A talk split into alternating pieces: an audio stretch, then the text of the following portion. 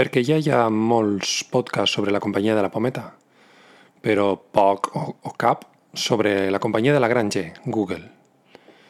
Així parlarem sobre intel·ligència artificial, Android, els productes de Google en general, i ho farem en un ambient distingut, casolà i en català. Benvinguts a la G de Colors.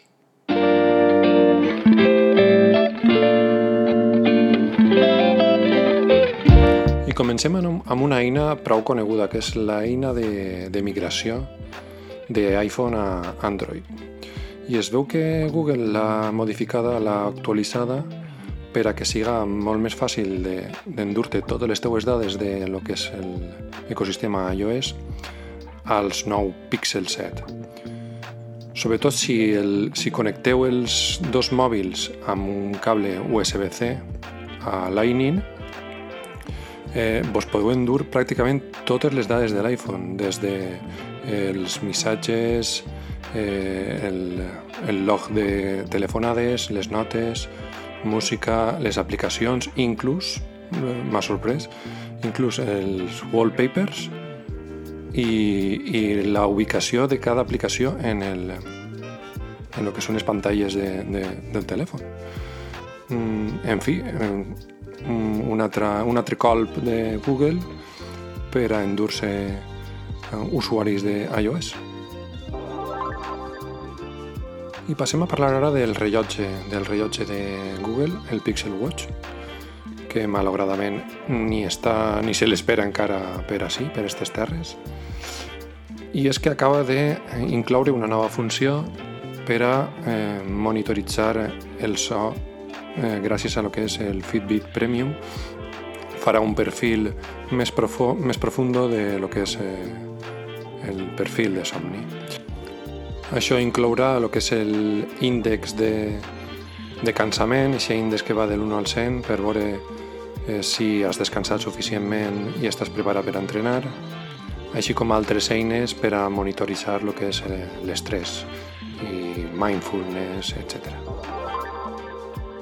I en l'apartat de lo que és desenvolupament m'ha sorprès una notícia que s'ha actualitzat el sistema de tirar enrere en Android 14 de manera que inclourà una previsualització de lo que anem a trobar-nos si tirem enrere. Això és, la veritat és una cosa molt útil i evitarà eh, que per error eh, camp d'una aplicació quan en realitat el que volíem és tirar enrere l'historial d'una visualització, per exemple. I pel que fa al navegador Chrome, en la seva versió d'escriptori, Sembla que en les últimes versions, la versió Canari, estan provant un sistema de temes per a personalitzar eh, el que seria la barra, la barra, la barra d'eines eh, amb els colors del wallpaper que tinguem ficat eh, en aquest moment en el Chrome. És una espècie de Material View aplicat a, al navegador Chrome d'escriptori.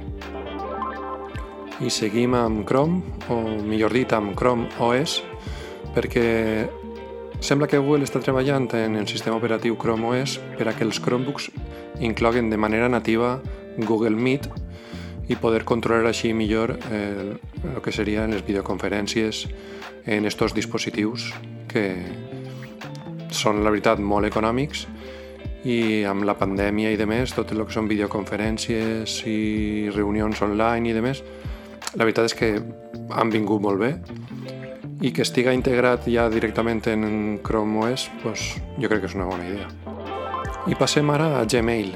El client de correu de Google ha incorporat una nova, una nova característica en la qual podrem, inclús abans de poder abans d'obrir un, un missatge, veurem en el subtítol del propi missatge eh, si es tracta d'un enviament i eh, la data aproximada d'arribada o prevista d'arribada d'aquest enviament.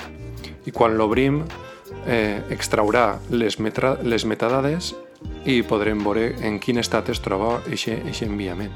La veritat és que ara que venen dates nadalenques i el Black Friday i de més, jo crec que és una eina que gastarem prou. Benvinguda siga. I acabem amb tres notícies relacionades amb la realitat augmentada. I és que Google eh, ha preparat un, una manera de visualitzar alguns productes eh, en, el, en el nostre entorn real per a que puguem veure eh, com, com són el, la mida, els colors i demés dins del nostre entorn, que és la, la realitat augmentada, vaja.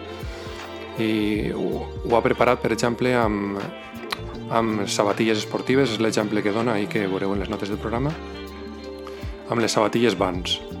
Podeu triar el, el model, el color i veure el, com, com queda en el vostre entorn de manera, de manera virtual. I en aquest sentit, també relacionat amb la realitat augmentada, el eh, que és el Live View de Google Maps, ara incorpora molta més informació sobre el lloc que estem, al que estem apuntant. Bueno, el Live View, no sé si ho sabeu, és això de que vas pel carrer, eh, obris el Google Maps, apretes un, un botó que, en el que indica Live View i vos dona indicacions al mateix temps que esteu veient el món real. És el que és la realitat augmentada, vaja. Doncs ara, a més de les indicacions, hi haurà una sèrie de, de punts eh, sobre, sobre els edificis on si feu clic vos indicarà eh, informació sobre, sobre aquest edifici, eh, l'opinió de la gent sobre aquest restaurant, eh, si està molt ple o molt concorregut a aquesta hora, etc. Una sèrie d'informació, eh, diguem, útil. I ja per acabar, una altra funcionalitat nova de Google Lens i és que el permet fer una foto a un menjar i dir-li que el busque llocs propers on, on eh, venguen aquest menjar. I la veritat és que m'ha semblat una cosa curiosa. En, en l'exemple que fica Google, bueno, fica unes galetetes de Nadal, li fa una foto i li diu cerca prop de mi eh, este producte. I, bueno, no deixa de ser curiós. I amb això ja, faré, ja hauríem fet un xicotet repàs de les novetats més importants d'esta setmana en el món Google. I res, eh, només dir-vos que, que teniu més informació en les notes del, del programa i que em seguiu. I així la setmana que ve podrem seguir oferint-vos les darreres novetats de la G de colors. I recordeu, no sigueu malvats. thank you